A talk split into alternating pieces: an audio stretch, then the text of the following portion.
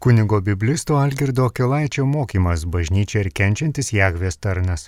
Tai man taip sužybo, kad e, galbūt va šitai ekumenijos temai tiktų vis tik tai pasvarstyti apie labai garsių tekstų Senajame testamente, egzegetams tai yra, na, tokie labai jie garsus ir žinomi šitie tekstai, kurie buvo, na, prieš keletą dešimtmečių, taip nukaltas toks buvo pavadinimas, mat, kenčiančio Jahvės tarnų giesmės.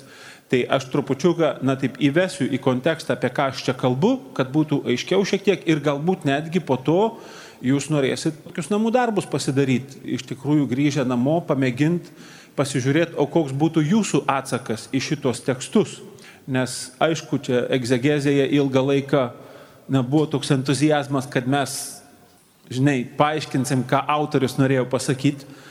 Bet dabar vis daugiau tokio pagreičio įgauna vadinamieji skaitytojo atsako metodai, kad visai galiojanti prieiga yra ir tokia, kad o kokį atsaką sužadina manyje tekstas, aš gal nelabai ką žinau apie tą ten autorių, laikmetį, dar kažką tai, bet kokį atsaką manyje sužadina šitas tekstas. Ir pasirodo visai tai galiojantis yra metodai. Tai čia irgi labai būtų įdomu, kaip šitą sėklą kristų į vat, šitą bendryje, kuri čia šiandien susirinko. Izaijo knyga, tai čia jau irgi toks stebuklas, nes daugumas egzegetų dėl to sutarė, kad Izaijo knyga, ko gero, yra mažų mažiausiai trijų laikmečių ir, na, trijų autorių ar trijų grupių autorių kūrinys. Jis parašyta per tikrai ne vieną šimtą metų ir labai panašu, kad dalis jos yra parašyta iki Izraelio tremties, iki tol, kol Izraelis buvo išvarytas į Babiloniją. Antra dalis, vat, kuri mums yra šiandien svarbi, tai nuo 40 iki 55 skyriaus, yra ko gero tremties tekstai. Reiškia, šitie tekstai gimė kaip tradicija Izraeliui esant Babilonijoje. Tai buvo labai dramatiškas laikas Izraeliui, todėl kad jie, na taip galėtumėm sakyti, iš tokio šiek tiek provincijos savo Izraelio visais atžvilgiais politinę, ekonominę, net ir teologinę prasme, jie atsidūrė didmestyje. Nes Babilonija buvo to meto pasaulio na, bamba. Ir aišku, kad, na, nežinau, kam iš jūsų yra tekę pasijusti, vat, kokie mes esame provincialai Lietuvoje. Kai aš vat, išvažiavau studijuoti į Romą ir kai jau čia man atrodė, nu, žinai, kelaitis. Ir kai staiga aš supratau, kad jie ten akelaičiais tampa maždaug kokio šeštoj klasiai gaudami normalų ūkdymą, O po to visas tas likęs laikas, iki tol, kol mes čia susitikom jau universitete, tai jie pasirodo kažką dar daugiau yra pakabinę, žinai. Tai tas provincialumas, jisai paprastai yra tokia labai skausminga patirtis ir dažnai, na, va čia žinot, kaip mes taip trupučiuką juokėme, sakom, iš ko atpažinsi kaimietį mieste. Nu, kad jis yra pernelyg miestietis, žinai, nu, va, jau paimk tikriausią, tikriausią miestietį ir staiga paaiškės, kad jis, nu žinai, nuo plumpenų kokiu nors ten atvažiavęs žmogus, jokios bėdos su plumpenais iš tikrųjų. Na va, tai čia, ko gero, ir Izraelis tą patį iššūkį patyrė ir tai yra įstabu, kaip jisai atsiliepė į šitą, na, tokį provincialumo iššūkį ir drauge, ant kiek teologiškas tas jo atsakas buvo, kad mes po šiai dienai grįžtam iki šitos atminties, kuri yra užfiksuota šventajame rašte ir vėl iš naujo ją skaitom, ką ir aš norėčiau šiandien su jumis pamėginti padaryti. Ir tada trečioji dalis ten Izaijo knygos nuo 56 iki 66 skyrius, ko gero jau yra labai vėlyvi tekstai, kai Izraelis jau grįžo iš tremties ir susidūrė su vėl naujų iššūkių, nes tas lūkestis grįžtant iš tremties, kad čia, žinai, nu, pienų ir medum tekantis kraštas, nes tai Izraelis prabuvo tremti 50 metų, tai reiškia, kad grįžo antroji karta, kuri matyt savo akim Izraelio nebuvo mačius. Nei priemė pasakojimus apie tai, kas yra Izraelis. Ir kad ten, na, va, tuose potremtiniuose pranašuose labai jaučiasi kartėlis, kad mes čia įsivaizdavom, nu, žinai, jis grezif knezį, žinai, o, o pasirodo, kad ne. Tie procesai kartojasi, vat mane labai tas stebina, bet aš pažįstu vieną tokią moterišką, kuri man pasakojo, kaip jinai, būdama vaikas, jinai tremty gimė ir būdama vaikas grįžo iš tremties, kad iš tikrųjų jai Sibiras buvo namai. Jinai buvo išmokusi gyventi Sibirė. Sibirė gamta maitino, jie ten neskurdo. Ir kažkaip taip labai įdomiai pasako, kad sako, čia grįžom aš iškart į parkelį, nu, grybų reikia ieškoti, nes reikės valgyti, žinai. Ir mums tai skamba nu, vi, visiškas kosmosas iš tikrųjų, o va ta tokia patirtis, vėl atsidūrimas visiškai kito aplinkoje, staiga irgi tampa naujų iššūkių. Tai va čia šitas liudijimas, kurį mums perdavė išrinktoji tauta, jis gali ir mums būti svarbus.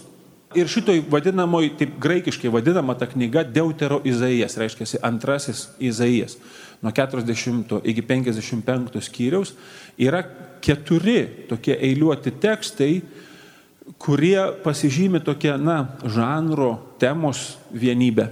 Ir nukalė vienas egzegetas tokį pavadinimą, pasakydamas, kad tai yra Jahvės tarno giesmės. Egzegetai po šiai dienai laužo jėtis, kas tas tarnas, kas tas tarnas kas. Tai aš jums e, vieną giesmę paskaitysiu, kad jūs žinotumėte apie kainą. Jūs visas tas giesmės žinote, aš jums garantuoju, nes jos ilgainiui buvo pradėtos sieti su Jėzumi Kristumi Ir todėl šitie tekstai, na, vat, katalikams tai labai pažįstami iš liturginių skaitinių, todėl kad gavienioje visi šitie tekstai yra skaitomi. Bet aš manau, kad čia bet kuris krikščionis, kuris bent šiek tiek yra prisilietęs prie Senojo testamento tokios kristologinės interpretacijos, na, vat, pranašų tekstus skaityti, žvelgiant į Kristų, neįmanoma praeiti pro šitos tekstus. Ir netgi dar daugiau galėtumėm pasakyti, kai evangelistai rašė Kristaus įvykį, nu, aš dabar taip jums pasakysiu, tai čia gal sujauksiu kai kam smegenis, bet iš tikrųjų labai tikėtina, kad nei vienas evangelistas, kuris jau rašė, savo akimis nematė Jėzaus. Labai tikėtina, kad jie buvo tie, kurie priemė jau bendruomenės liudymą. Ir reiškia, kaip jie pasirinko Kristų aprašyti, kaip ta atmintis apie Kristų buvo išsaugota dalį kalbos jie sukūrė patys, dalį naujovių teologinių, jie nukalė tos bendruomenės pačius. Bet jeigu jūs pasižiūrėsit į tas tarno gesmes, jūs sakysit, nu čia Jėzus. Ir čia Jėzus ne todėl, kad man tai atrodo, bet čia Jėzus, nes tai yra Evangelijos žodynas. Taip Evangelija kalba apie Jėzų. Ir tikrai na, mes turėtumėm irgi tą pripažinti, kad tie, kurie apsiemė užrašyti atmintį apie Kristų, viena vertus tos bendruomenės, kurios pačios matė Kristų, vis tik tai turėjo atrasti žodžius kaip. Ir tos bendruomenės buvo tiek giliai įsišaknyjusios raštuose, nu, tai ką mes dabar vadinam Senuoju testamentu, kad jos bylojo tais žodžiais apie Jėzų. Ir dėl to toks artimas ryšys tarp Evangelijų ir Pirmojo testamento. Tai nežinau, aš jums kokią vieną galiu paskaityti iš tų keturių kokią nors trumpesnę. Aš jums po to pasakysiu koordinates, vieną paskaitysiu. Štai mano tarnas, kurį aš remu, mano išrinktasis, kuriuo aš geriuosi. Apgaubiau jį savo dvasia, kad neštų tautoms teisingumą. Ne šauksmu ar pakeltų balsu, gatvėje nesigirdės jo balsu, net palauštos nendrės nenulauž, nei blėstančio dakčio negesins. Jis tikrai neš teisumą, nepails ir nevilčiai nepasiduos, teisumą kurdama žemėje. Jo mokymo lauks tolimosios salos. Apie ką čia? Hmm? Tai va, ir visos tos giesmės yra tokios. Tikrai evangelistai šitas giesmes įpynė, jų nebeįmanoma atsėti mums, krikščionims, nuo Kristaus įvykio, nes mes neturim alternatyvaus liudymo apie Kristų, kad galėtumėm atskirti, kur čia Senasis testamentas, o kur čia Naujasis. Vienintelė kalba, kurią turime apie jį, yra Evangelijų kalba.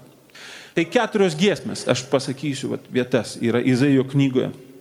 42 skyriui nuo 1 iki 4 eilutės, tada 49 skyriui nuo 1 iki 6, 50 skyriui nuo 4 iki 7 ir tada ilgiausia paskutinė yra nuo 52 skyriaus 13 eilutės iki 53 12.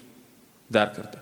42, 1, 4, 49, 1, 6, 50 nuo 4 iki 7 ir tada nuo 52, 13 iki 53, 12.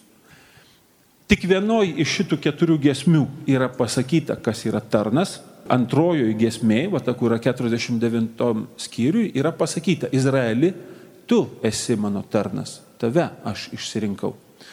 Šitas tarnas yra įvardyjamas tu, Izraeli, esi mano tarnas. Ir jeigu jūs kada nors pamėgintumėte netingėdami persiskaityti šitos 16 skyrių, at, nuo 40 iki 55 skyrius, mėgindami atkreipti tik tai dėmesį, vat, kaip Izraelis yra Jahvės tarnas, jūs pamatytumėt, kad tai yra teologijos dalis, va, to antrojo Izaijo teologijos dalis, kad Izraelis yra išrinktasis, na, mat, Jahvės tarnas. Tada, ko gero, jeigu mes mėgintumėm taip jau priimti, va, kaip galima interpretacija, kad galbūt šitas tarnas, kuris trijose kitose giesmėse yra na, anoniminis, mes nežinom, kas jisai toksai yra. O jeigu tai yra Izraelis, žiūrėkit, aš jums vieną iš tų giesmių paskaitysiu, Jūs sakysit, kad čia ką tu čia koks čia Izraelis. Jis buvo paniekintas, žmogaus vardo nevertas, skausmų vyras apsipratęs su negale. Toks, kuris prie žmonės užsidengė veidą. Jis buvo paniekintas, laikėme mes jį nieku, tačiau jis mūsų negalės prisėmė, mūsų skausmų savo užsikrovė. Ant jo krito kirčiai už mūsų kaltes, bausmė ant jo krito mūsų išgelbėjimui. Mes buvome išgydyti jo žaizdomis. Ne? Apie ką čia? Apie kurį Izraelį. Jeigu Izraelis, tai koks Izraelis? Nu, čia prasideda mūsų svarstymas šiandienis. Jūs žinote, ne, kad mano pranešimo tema yra tokia sudėtinga, ne, pranašiškoji ekleziologija. Ne, ekleziologija tai yra teologija apie bažnyčią. Kas yra bažnyčia? Mes žiūrėdami į save, krikščionyje, ir priimdami tą evangelinį žodį, vieną kartą evangelijoje vis tik pavartotas. Mano bažnyčią pastatysiu ant uolos ir pragaro vartai jos nenugalės. Tai va šita eklezija, na, va, kas jinai tokia yra. Ir netgi va šitam Izraelio atveju, kas yra šitas, koks yra šitas Izraelis, kuris čia kalba. Ar tai yra istorinis Izraelis? Ar tai yra tas Izraelis, kuris buvo tremty? Na, va, tai yra geras klausimas. Taip, su pranašais yra tokia na, taisyklė, kurios mes negalim absoliučiai taikyti visur, bet yra tokia taisyklė, kad kuo pranašai vėlyvesni, kuo pranašas vėliau skelbė, ta prasme, greičiausiai jau po tremties, tuo ta pranašystės tokia perspektyva, žvilgsnis, jisai vis tolo ir tolo labiau į ateitį, vis toliau ir toliau pranašai žvelgia. Nes labai panašu, kad iki tremties pranašai kalbėjo labai tokioj artimoj perspektyvoj, kad čia viskas, nuosprendis tave Izraelį ištiks. Ir todėl ten, na, tos Izaijo septintos skyriaus pranašystės, kurios vėliau tapo mesijinėmis, ne, buvo interpretuotus, nes štai mergelė pagimdys sūnų.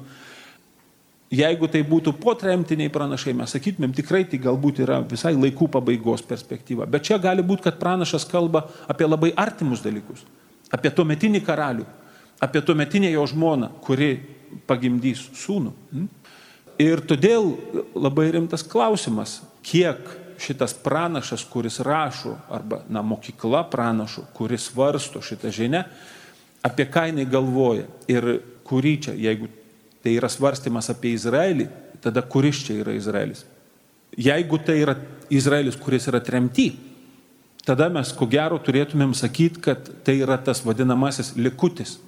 Nes e, Izraeliui atsidūrimas Babilonijoje tapo grūties laiku, atsidūrus stipresniai aplinkoj visais atžvilgiais. Tai buvo finansiškai stipresnė aplinka, politiškai, netgi religiškai stipresnė aplinka. Ir aišku, kad e, tokia svajonė, kad o visi atsilaikys, visi nepasiduos, išsaugo savo savitumą, taip nėra. Net ir Lietuvoje taip nėra, mūsų nieks nepersekioja krikščionių, o mes vis tiek parsiduodam. Ir tai iš tikrųjų prasideda nuo tokių labai keistų dalykų. Ne, pavyzdžiui, kad teršiasi mūsų kalba. Žiūrėkit, kiek mes sukūrėm naujų žodžių. Na, vat, po nepriklausomybės. O kiek mes sukūrėm naujų teologinių terminų, kurie žymėtų mūsų teologinį darbą. Šitos dalykus bijom daryti. Bet kultūra mus nugali dabar nes jinai kūrė kalbą, o kalbos kūrimas yra kultūrinės galios ženklas. Ir mes daug tų kovų pralaimim kaip krikščionyje šiandien. Todėl va, tas Izraelio gruvimas tremty, jisai buvo pažymėtas, na, va, tokiu praradimu didžiuliu, kad dalis iš tikrųjų asimiliavusi. Tai yra tremties tikslas. Išvežti stipriąją tautos dalį į dar stipresnę aplinką, kad tenai ta dar stipresnė aplinka nugalėtų, sulaužytų stuburą tam elitui ir kad nebebūtų kam grįžti. Taip sulaužant tautos stuburą, duodant jai naują elitą, performuoti tokį dalyką kaip tauta. Tremtis yra genialus metodas iš tikrųjų, jeigu tik turi daug traukinių. Hmm? Taip. Ir va čia iš tikrųjų ta atmintis, tautų atmintis, turi šitokius atminimus. Pavyzdžiui, kodėl mes kalbam apie tremtį? A todėl, kad grįžo. A todėl, kad mums tremtis tapo tikrai tokiu, čia net netautiniu, bet jau nacionaliniu pasididžiavimu. Todėl, kad mes matom, jog esam didvyrių tauta, nes beje, lygiai taip pat kaip ir Izraelis, sugebėjom išsaugoti kažkokiu tai būdu, na, vad, savo identitetą. Tai čia įdomu, koks mūsų naratyvas apie tremtį, man čia po šiai dienai klausimas, aš nelabai tuo esu domėjęsis, nors čia galima iš to rimtą doktoratą parašyti. Čia pasiruoštęs doktoratą rašyti, tai čia, žinokit, paralelė siūlau temą. Na va, o Izraelis šitą atmintį pasakoja per pranašus. Kad būtent pranašai buvo tie, kurie sugebėjo atpažinti Dievo valią ir ją paskelbti tautai. Čia labai turbūt svarbus dalykas. Mes šiandien bažnyčioje dažnai imamės tokios labai vėlyvos pranašų interpretavimo na, metodikos tokios, apologetinės, ne, kuris sako, kad pranašai išpranašavo apie Kristų. Tai yra labai vėlyvas pranašų interpretavimo būdas. Šiaip biblinis pranašas, jam nelabai rūpia ateitis. Biblinio pranašo visa esmė, visas toksai smakas Tai yra atpažinti Dievo valią šiuo metu, šitai tautai, šitose aplinkybėse ir ją paskelbti taip, kad tauta suprastų. Ateitis yra tik pasiekmė šito supratimo. Jis gali būti tokia, o gali būti kitokia. Bet pati esmė pranašiškumo tai yra atpažinti Dievo valią ir taip ją paskelbti, kad tauta išgirstų. Šią prasme mes kaip krikščionyje šių dienų tikrai sergam. Kokia Dievo valia Lietuvai? Kokia Dievo valia Lietuvai?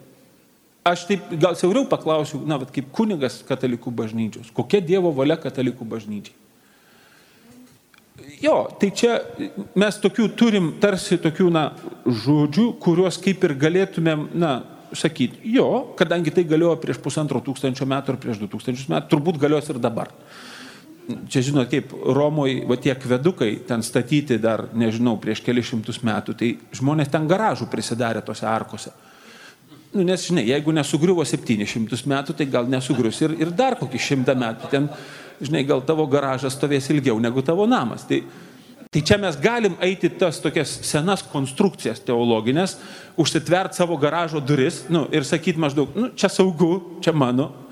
Bet koks bus mūsų kartos atsakymas? Vat, ką mes kaip mūsų karta pasakysime apie tai, na, vat, katalikų bažnyčia, kokia tavo valia, kokia Dievo valia tau šiandien.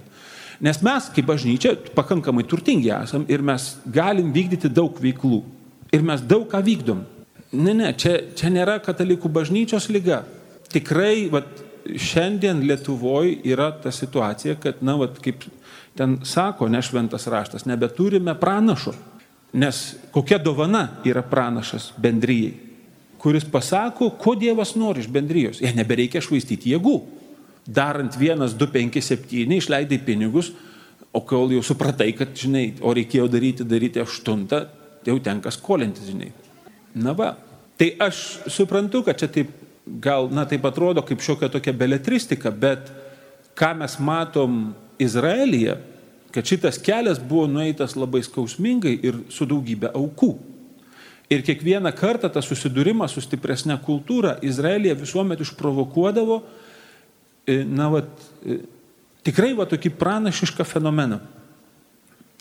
Tai va, matot, jeigu mes sakytumėm, kad tai Izraelis, tai koks mūsų kaip bažnyčios santykis su Izraeliu? Nes matot, kaip yra, e, ilgainiui šitos giesmės jas buvo imta interpretuoti kaip mesijinius tekstus. Žodžiu, kad tai yra to Dievo žadėto išgelbėtojo. Na va, bet čia matot, čia labai dažnai mes krikščionys tada sakom, čia Kristus. Kuris Kristus? Kuris Kristus? Nes Kristus tai yra, žinot, nu, vat, kaip, kaip forma, į kurią tu gali įspausti ir tešlą su migdolais, ir tešlą su morkom, ir, ir kokią tik tai nori. Nes Kristus buvo lūkestis Izraelio, kur, kuris, pavyzdžiui, Izraelis jisai sako, po šiai dienai na, dar nėra išpildytas šitas lūkestis. Na ir mes negalime nepagarbiai į juos žiūrėti, sakyti, kad, nu maždaug, nu visai, žinai, kaimas, ką jūs nesuprantat, kad jau taip neišeina sakyti.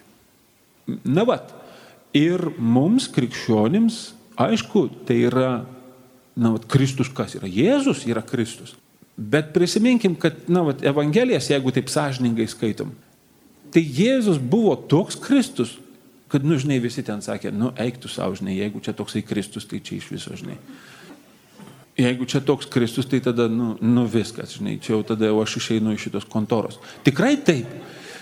Tikrai, nes nu, ten tos tokios gražios frazės, ne, ko, ko akis neregėjo, ko ausis negirdėjo, žinai, tą Dievas paruošė. Ir iš tikrųjų, na, tai yra šokas. Mat mes čia su Laimonu, beversdami tą Evangeliją, vargstam prie to nustebimo žodino, kuris dažnai ten balansuojant tokios pamišimo ribos. Kad, kad žmonės susidūrė su Kristum, jie buvo tiek priblokšti, kad jie buvo ko ne galvas pametę ir anaip tol nemaloniai. Jie nebuvo maloniai nustebinti, tie žmonės buvo tiek sukresti, kad jie sako, nu, nu, nu žinai, nu čia žemiau žemo. Na vat. Ir todėl tas klausimas, kuris Kristus, irgi labai svarbus yra. Nes jeigu mes sakytumėm, kad tai yra istorinis Kristus, tada reiškia, kad su jo įžengimu į dangų, nu, galim šitos tekstus užversti, padėti ir viskas. Dabar mes čia mums daugiau nebeliečia šitie dalykai, maždaug. Čia viskas aišku. Čia Evangelijos, Evangelijos baigėsi ir viso, maždaug. Na va, bet įdomiausia, kad mes Pauliaus laiškuose randam aluzijas į šitas giesmes. Tai reiškia, kad jau tai yra bažnyčios laikas. Mhm. Ir vad kaip yra su bažnyčia ir Izraeliu. Na va, mes sakom, jog esam naujasis Izraelis. Mes vadinam save tais žodžiais. Sakom, mes esam Dievo tauta. Kuria prasme? Ta prasme, kad mes esame Kristaus kūnas. O Kristus yra tikrasis Izraelis. Čia Evangelijose yra tie tokie labai reikšmingi įvykiai. Kaip pavyzdžiui, Jėzus ateina prie to figmedžio, neieškodamas vaisių ir tenai neranda, ne, va, tas figmedis, kuris yra dažnai Izraelio simbolis. Vynmedis, kuris yra Izraelio simbolis. Ir kai Jėzus sako, aš esu tikrasis vynmedis. Na va, tas Jėzaus tapatinimas savęs su Izraeliu, kuris yra tikrasis Izraelis, Evangelijose yra labai reikšmingas. Kas yra dar įdomiau, tai kad pavyzdžiui Marija yra rodoma kaip ta, va, tikrai Izraelio tarsi toks, žinot, Izraelio lūkesčio jėties smaigalys, va toks, ne? Va, ta reikšminga, reikšminga moteris atsiradusi kertinėme istorinėme įvykė ir sureagavusi teisingai. Ne, į šitą iššūkį atsiliepusi tinkamu būdu taip, kad neužkirto kelio va, šitam Dievo plano įvykiui. Man atrodo, tai labai svarbu. Nes vis dėlto šitas tarnas, jeigu tai yra kolektyvinė asmenybė, tai mes esam susidūrę su tokiu žodynu Biblijoje. Ne, pavyzdžiui, Jeruzalė, kartai, Jeruzalė tai ten nu, keli tūkstančiai žmonių. O jinai, pavyzdžiui, vadinama mergelė. Ne, tu, tu esi mergelė. Arba bažnyčia. Ne, tai jau čia ne keli tūkstančiai žmonių, čia jau trupučiuką daugiau. Keli tūkstančiai ir dar šiek tiek. Na, ir jinai vadinama sužadėtinė irgi vat, per, tarsi vienu asmeniu surenkama ir pasakoma vat, apie bendryją. Na va, tai todėl ir mums, ko gero, bažnyčiai visai galioja toksai skaitimo būdas šitų giesmių, kad tai yra bažnyčia. Ir čia, man atrodo, ypatingai svarbus yra va šitas aukos dėmuo. Vat, jeigu jūs pasiskaitysite tas tarno giesmes, tai jūs pamatysit, kad tas tarnas ne šiaip savo vadinamas kenčiančiu. Ir čia, nežinau, aš po šiai dienai dar nesu savo išsiaiškinęs, taip tokios, na, nesu savo nukalęs kažkokio sklandaus apibrėžimo. Na, vat, kas yra kančios išskirtinumas? Nu, kodėl mes turim tokį vat, specialų žodį kančia? Nu, nes nesakom, pavyzdžiui, tarnas, kuriam skauda. Mes sakom, tarnas, kuris kenčia. Ir va tas, na, kančia turi tam tikrą savo taurumą, jinai turi tokį kilnumą. Mm? Ir va, man atrodo, kad čia net toksai pamėginimas apibrėžti, kas yra kančia ir kuo jinai skiriasi nuo kitų ten skausmo, ar ten nelaimės, ar dar kažkokių tai rūšių, padėtų gal netgi mums, kaip bažnyčiai, įsivardyti, na, va, kaip tada yra su mūsų, kaip bažnyčios kančia. Nes aišku, kad mes dabar gyvenam tokioj labai personalistiniai na, aplinkoj, kur mes esam labai stumiami į tokį, na, suvokimą savęs, kad, na, va, nu, čia esu aš. Dabar jau va, taip, judant link pabaigos šitos konferencijos ir mėginant pagaliau priartėti prie jos temos, man kažkaip labai suskambėjo nuo pat pradžių, kai Gedrius parinko pavadinimą, žodžiu, va, tėvo namuose. Graikų kalboj namai yra vadinami dviem žodžiais. Yra žodis oikos, tai reiškia namas, ir yra žodis oikija, kuris na, savaime yra daugiskaitinis, vat, namai. Ir Gedrius neparašė tėvo name, jisai parašė tėvo namuose. Tai ten archeologija rodo, kad anuo metu Izraelyje, na, va, tai, ką mes vadinam namu, tai ten buvo toks kompleksiukas iš tikrųjų. Na, tai, tai buvo tarsi toks vidinis šiek tiek kiemelis, ten buvo daug patalpų žodžių. Ir ten, nu, žinai, nu, jau kur tau ten pasisekė, žinai, ar tu ten tam tvartelį, ar kur, žinai, nu, kaip tau išeis. Bet iš tikrųjų šitas, na, va, tie namai, ne, kur, va, ir Jėzus tarsi kalba apie tas buveines, ne, va, na, tokias daugiskaitą. Ne, man atrodo, kad tai leidžia mums mąstyti apie tą tokį labai dabar keistą ir netgi, sakyčiau, krizėje bažnyčios buvimą e, įvairybėje. E, vat, žinot, aš jums vieną tokią pacituosiu vietą iš tos giesmės, iš tos, kuri vadina Izraeliu šitą tarną. Ten yra tokie žodžiai, čia 49 skyriaus ketvirta eilutė. Tačiau aš galvojau, veltui aš triusiau, tušiai ir be naudos jėgas eikvojau. Tai čia taip išversta pas mus tekste yra, bet ten e, hebrajiškas tekstas yra be galo skambus. Nors mes, kad sako, triusiau ir tada sako tris būdvardžius, nu, prieveiksmus. Triusiau, bet tuščiai, o tada eina tokie žodžiai, čia kas hebrajų trupučiuką graipstėsis, ne? Antras, tohu. Tai va, tohu vavohu, tai yra, tai yra žemė, kuri va, buvo ta tokia, nu, žinai, nu, nu bardakas. Ir, ir va čia iš tikrųjų tas tarnas sako, ne, va aš čia triust, čia triust, čia triust, žinai, nulis. Ne, ir paskutinis jisai sako ve hevel. Ne, tai va tas garsusis koheleto hevel, kurį va, toks e, egzegetas Michael Fox siūlo versti žodžiu absurdas.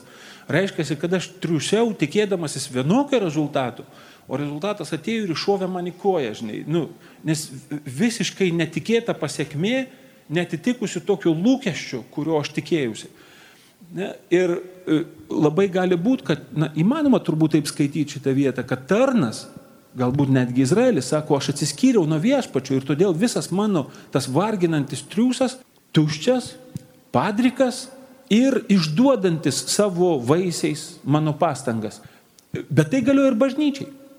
Jeigu mes sąžiningai žiūrim į save kaip bažnyčia, mes galim pasakyti, iš mūsų atsiskirimo nuo viešpaties gaunasi ta tuštybė, padrikumas ir va, tas absurdas, ne, kad iš mūsų veikimo gaunasi pasiekmes, kurios yra visai skirtingos negu mūsų intencija ir negu mūsų lūkestis.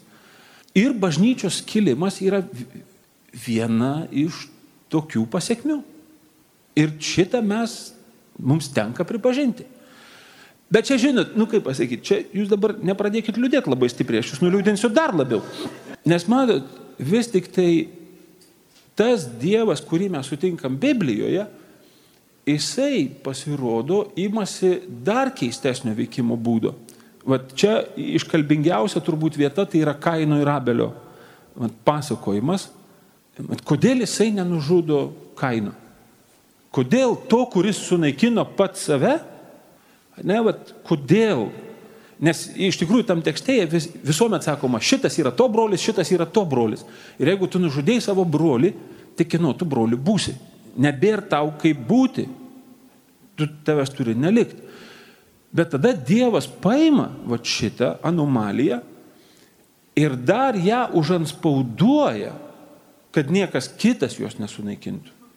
Tai ten rabinai iš tikrųjų kalba labai labai stipriai apie kainą, sakydami, kad, nu, kadangi kainų nebebuvo vietos žemėje, žemė stengiasi vykdyti Dievo nurodymą. Ir todėl jinai bėgdavo kainų iš pokojų, kur tik tai kainas žengdavo. Ir kur tik jis eidavo, ten būdavo žemės drebėjimas. Žodžiu. Ir va šita drama, ne, kad va ta anomalija, kuri atsiskyrė nuo Dievo, sulaužė jo valią, o Dievas paima ją, užanspauduoja ir tada atiduoda mums ir sako, na va, brangus broliai ir seserys. Ir kiekvienas iš mūsų esam toksai, kiekvienas. Kiekvienas esam toksai.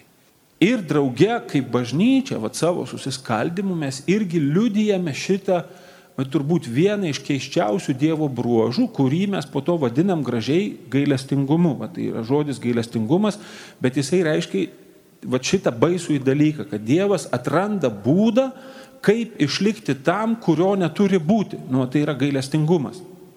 Tavęs neturi būti, bet Dievas paima ir tave išsaugo. Nors geriau jau nušauti iš tikrųjų. Tikrai. Ir va šitas, man atrodo, Na, va šita patirtis mums kaip bažnyčiai, jinai yra tikrai labai labai kviečianti į tokį na, nuolankumą, kad jeigu esame išlikę mes ir išlikęs tasai kitas greta mūsų, tai yra labai labai svarbus ženklas.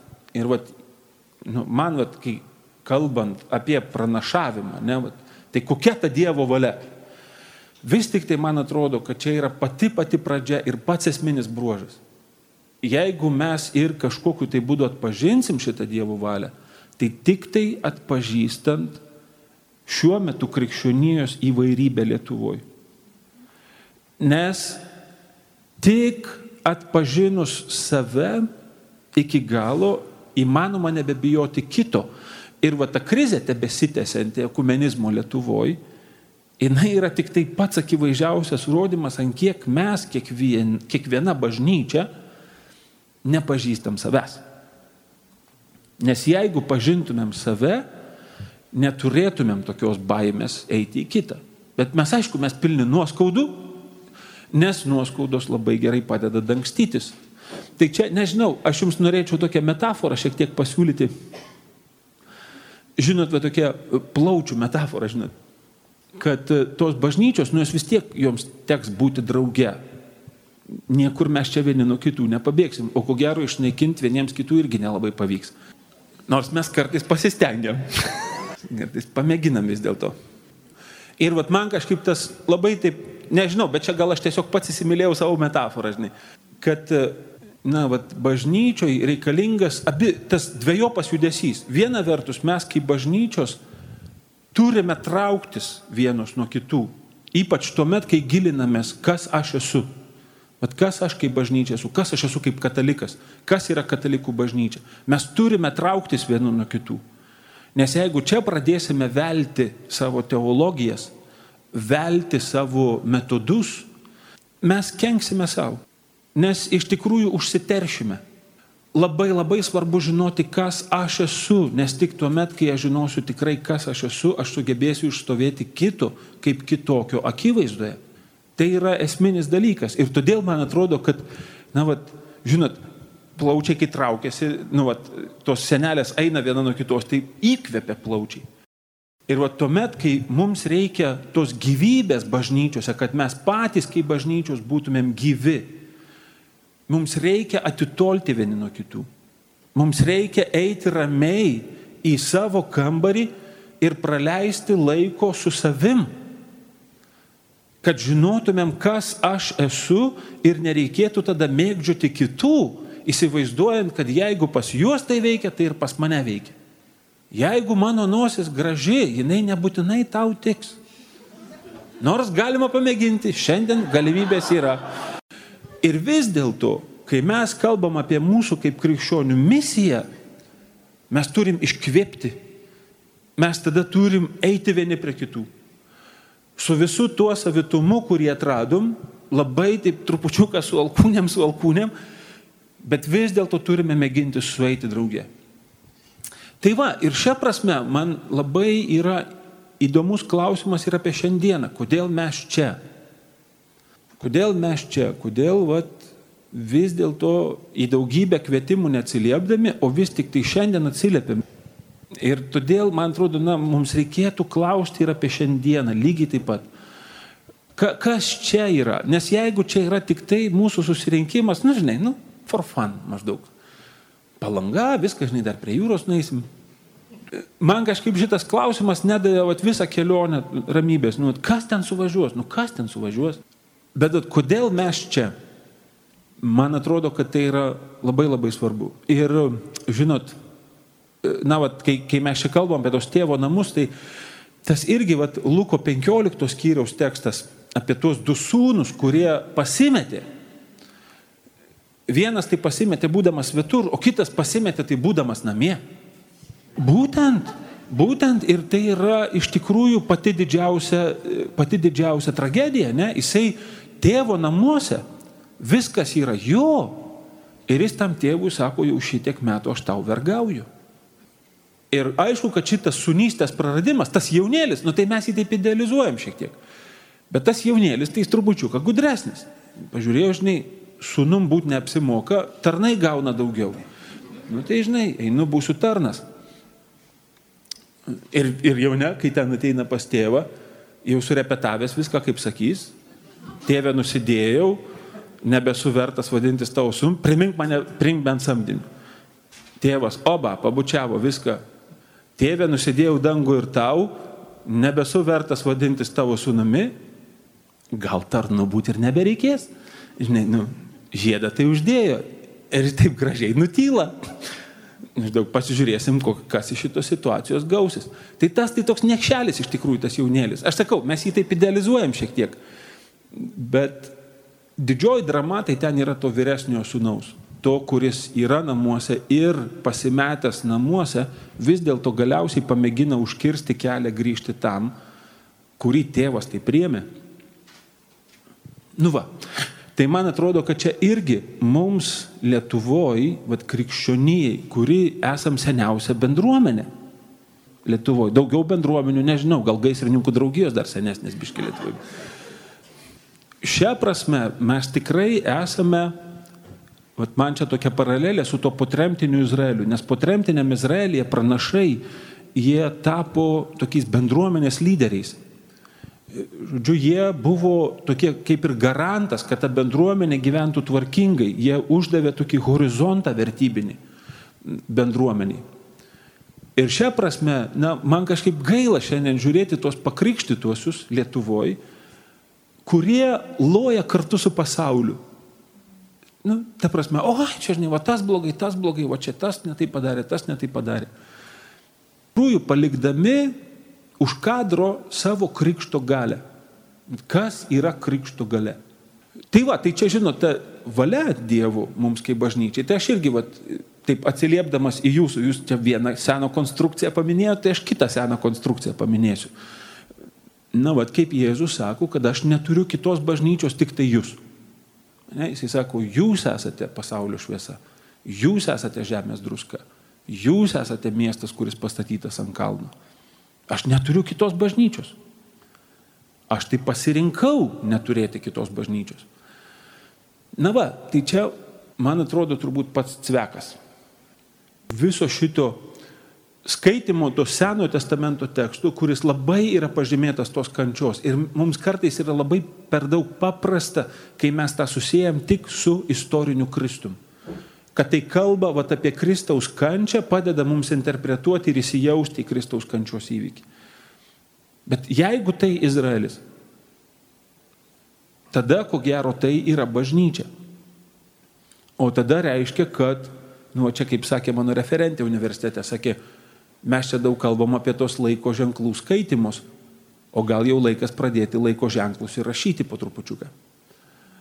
Ne, nes kas bus su tais, kurie ateis po mūsų. Ar mes būsime ta karta, kuri perduosime tikėjimą nepažeistą ir brandų tai kartai, kuri ateina po mūsų ir su kuria mes jau dabar nebesusišnekam.